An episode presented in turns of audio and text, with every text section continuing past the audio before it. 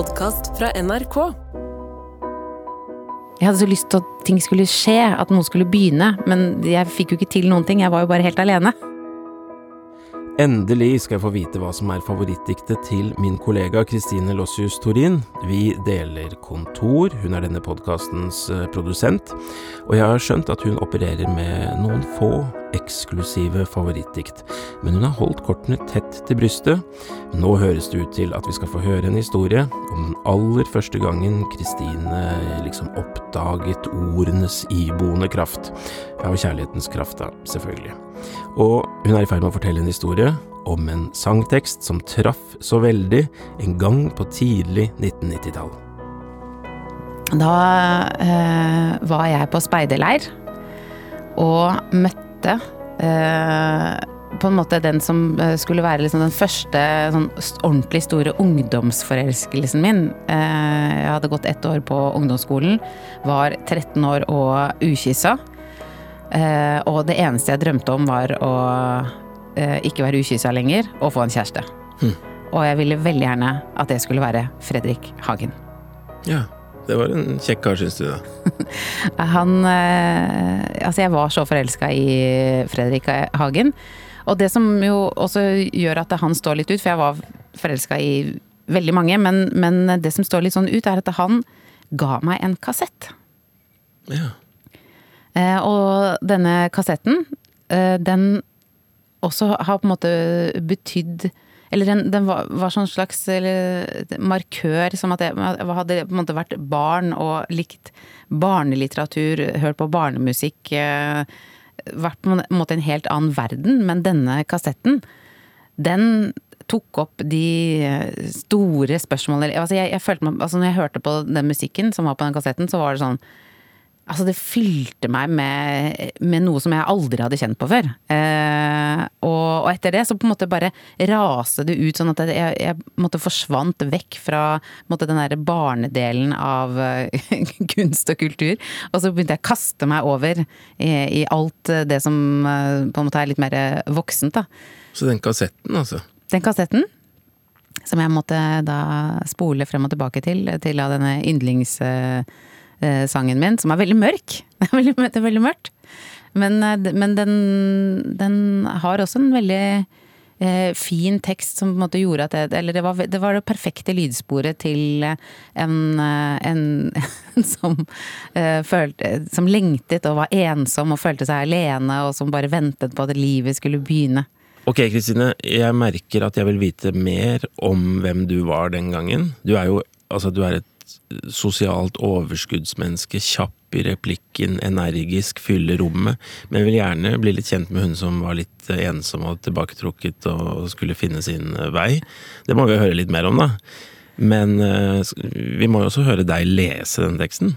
Jeg skal lese teksten. Eh, det blir litt spennende, for jeg har bare hørt den før. Jeg har aldri lest den som tekst. Så, men dette er altså da den kassetten, den kassetten jeg lånte av Fredrik Hagen er 'Hjernen er alene' av De Lillos. Det er en mørk tekst. Ja, veldig mørk tekst. Men du var jo i forelskelsesrus, så det preget kanskje litt hvordan du leste den. Det er midt på dagen. Jeg er alene i huset. Jeg står midt i stuen. Jeg er alene i huset. Jeg stirrer ut av vinduet. Jeg stirrer ned mot havet. Med ett blir jeg redd. Jeg ser at havet kommer nærmere. Jeg vil få meg vekk, men jeg tør ikke gå ut. Jeg vil ikke se, men jeg tør ikke la være. Jeg hvisker hjelp, selv om jeg vet at ingen vil høre meg. Jeg går ut av huset. Jeg går ned mot havet. Jeg hører ingenting. Naturen står stille. Men trærne krymper. Og havet det tørker bort. Selv om jeg går og går, så kommer jeg ikke nærmere. Jeg snur og ser tilbake. Huset er fullt av mennesker. Jeg løper ned mot klippene, men havet har forsvunnet. Jeg roper hjelp, selv om jeg vet at ingen vil høre meg. Hjernen er alene. Hjernen er alene, alene med hjernen. Så fint. Så Eh, fint. Nei, trist. Det var litt trist. Ja, men jeg syns det var fint òg. Men det er veldig sånn tilstand i dette diktet. Det minnet meg faktisk nå på dette diktet til Sigbjørn Apstfelder som heter Jeg ser. At vi er inne i en sånn litt hermetisk lukket virkelighet og ser ut på en verden vi ikke forstår. Ja, men det, er den derre eh, ensomheten til eh, jeg her, eh, som jeg sikkert ikke klarte liksom å sette fingeren på da, da jeg var 13 år. Men jeg husker veldig godt at jeg eh, Den derre følelsen av at, at, at, jeg går ned mot havet, og så snur jeg meg, og der er alle de andre. Huset er fullt av mennesker. Eh, mens jeg på en måte løper ned på et klippe, men jeg kommer meg liksom ikke sånn videre. Jeg, jeg er i en sånn tilstand som de andre ikke forstår. Så det er veldig sånn der jeg og de andre. Og akkurat den følelsen der, den husker jeg at jeg, jeg også likte veldig godt når jeg begynte å, å lese eh, Knut Hamsun og eh, Altså alle de karakterene hans, egentlig. Og, så, jeg, så, dette her liksom satt i gang et sånn derre ønske om eh, altså Veldig sånn patetisk, da, men sånn der, sånn, noe mer sånn intellektuelt. At jeg var sånn derre ute Jeg ville ha det derre Eh, jeg mot de andre-følelsen. Sånn at jeg gikk veldig etter det. Men dette var første gangen jeg på en måte kjente på at det var noe jeg hadde lyst til å være i, da. Det derre den der ensomheten eh, der. Men følte du deg ensom da? Ja, jeg, eller jeg følte meg annerledes. Det er jo alle gjør jo det, da. Men jeg også gjorde det. Jeg følte meg eh, annerledes, og at jeg, og at jeg måte ikke hadde funnet meg selv helt. Jeg var liksom eh, hadde liksom ikke starta på noe.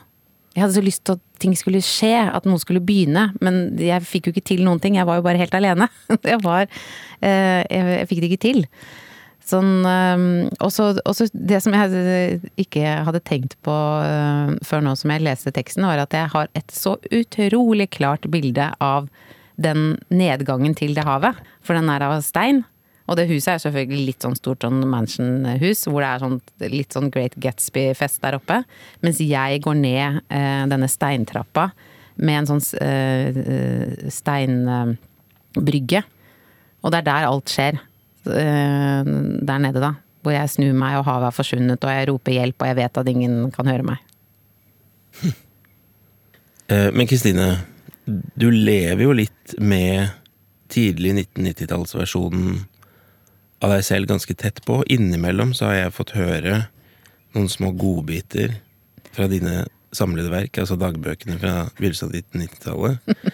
Og det er miskjennelig en av disse her du sitter med foran deg nå. Det har vært morsomt å få høre liksom, stemmen til Kristine den gang da.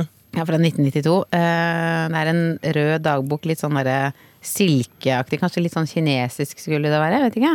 Hele denne dagboka, på sikkert 200 eh, sider, handler om at jeg er forelska i Fredrik Hagen. um, også, og dette her, det, det, som jeg har funnet frem her, da, det, er, det, er, veldig mye barnslig her. Men da, da ser du at jeg liksom har begynt å være At jeg skal prøve å være litt sånn flink når jeg skriver, da. Jeg klarer ikke å sove. Det passet jo veldig fint, da. Mm. Jeg klarer ikke å sove. Jeg er så forelska i han. Jeg tenker på hver gang han rørte ved meg. De én, to, tre gangene han holdt rundt meg. Når vi liksom kyssa. Når vi flørta. Eller han pratet vanlig. Herregud, som jeg er forelska. Dette er ordentlig. Og så kommer det, så skjønner at jeg er bare 13 år. Og han sitter nok nå og tenker på å kna brøda på en og annen stygg hurumming. det var så nydelig. Jeg var alene der. Så det var jeg ble sjalu. Jeg trodde han var sammen med han da.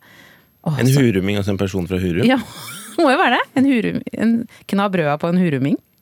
Sikkert, jeg tror han hadde hytte på Hurum. Kunne ønske han tenkte på meg også. Og så begynner jeg jo et sånt svært sånn oppspill. Jeg driver også, jeg holder pusten når jeg kjører tunneler, for da får man jo til ønske. Eh, og så driver jeg også med sånn prestekrage utbredt. Jeg har tatt sånn seks prestekrager hvor halvparten har vært elsker og halvparten har vært elsker ikke. Og nå er det den sjuende, og nå skal jeg få vite det.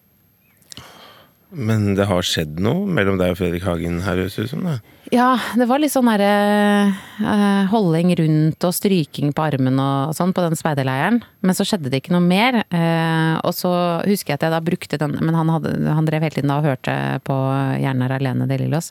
Dere hadde det, det ble et fellesskap rundt denne teksten? Ja. Ja eller, ja, eller, alle de låtene der. Det er jo mange fine sanger på den, uh, den plata der. Men og så husker jeg at jeg brukte det at jeg, jeg, måtte ringe han for å høre om jeg kunne låne den kassetten. Og så gjorde jeg det, da. Jeg lånte kassetten av Fredrik Hagen. Og, og, vi var på en sånn skoledisko, og da danser vi sammen til What a Wonderful World. Og alt liksom virker som at nå, nå kommer jeg til å kanskje få mitt aller første kyss. Nå kommer jeg til å få min aller første kjæreste. Men så blir det høstferie. Og egentlig skal alle de andre som De skal ikke på ferie, så alle andre skal møtes. Og alle de vi kjenner fra denne speideren, de skal møtes. Men jeg må dra og besøke besteforeldrene mine, som da bor i Spania. Og det er jo egentlig på den tiden altså, Det var ikke sånn at man vanligvis dro til Spania, men mine besteforeldre bodde der. Så jeg skulle dra sammen med mamma på høstferie til Spania. Og jeg visste jo at hvis jeg hadde blitt hjemme, da hadde jeg blitt sammen med Fredrik Hagen. Altså sånn tenkte jeg at hvis jeg, hvis jeg nå ikke drar på denne høstferien, så får jeg min første kjæreste. Jeg kommer til å få mitt første kyss. Men eh, jeg måtte jo være med til Spania, og det eneste jeg tenkte på, ok, men da blir jeg iallfall brun. Det som er forbildet på den tiden, er jo da Pamela Anderson, storpupper og kjempebrun. Altså det å få blondt hår var jo umulig for meg, men altså i hvert fall jeg kunne bli brun. Så er det eneste jeg tenker sånn, ok, om ikke han blir brun og fin når jeg kommer tilbake. Og det regna hver dag den høstferien. Og stakkars mamma, eh, som jo da Altså, jeg burde vært takknemlig for at jeg fikk dra til Syden. Det var ikke vanlig eh, Altså, det var ikke sånne billige billetter da. Det, altså, det var uvanlig å dra til Syden på den måten der. Men jeg var så jeg var, jeg var, så sur, og det eneste jeg gjorde, var å høre på denne Walkmanen min, der hvor man uh, har kassetter, uh, og høre på Hjernen er alene. Igjen og igjen og igjen. Så hun fikk jo ikke snakke med meg. Altså, det eneste jeg gjorde, var å høre på den kassetten. Og hvis hjernen hadde vært alene i Norge, så kan du bare tenke deg hvor alene den var i Spania? Jeg var så alene! Og jeg satt der, og det regna, og, det, altså jeg kunne ikke gjøre noe som var gøy, altså det, var gøy i Spania. De var, det, var bare, altså det, altså det, var så trist. Så det eneste jeg gjorde, var å på en måte begrave meg selv og hjernen alene i den musikken. Og det ble da aldri noe mellom deg og Fredrik Hagen? Ja, da, og, det, og, det var, og, det, var, jo bare fordi jeg dro på høstferie, ikke sant. Du, du skjønner det, altså, Olav, at det var den eneste grunnen til at jeg da ikke fikk meg min første kjæreste. Hvor er han i dag? Han Nei, han, eh, han, vet at jeg var veldig forelska, og jeg, jeg, har, jeg, har, sagt det. Men eh, nei, han er et lykkelig tobarnsfar som driver med ishockey, tror jeg. Hmm. Ja. Men, eh, men det jeg skal si, og dette er litt pinlig, men det er også sant, så derfor så må jeg stå i det. Det er at dette her er også på en måte den første gangen jeg på en måte via egentlig veldig god uh, musikk eller litteratur på en måte begynner å, å tilegne meg det, det er en gutt jeg er forelska i. At jeg, jeg, begynner å høre på det eller lese det. Eh, og det har ført meg veldig mange gode steder. Som for eksempel så tvang meg, meg gjennom hele Brødrene Karamazov fordi jeg var så utrolig forelska i Andreas.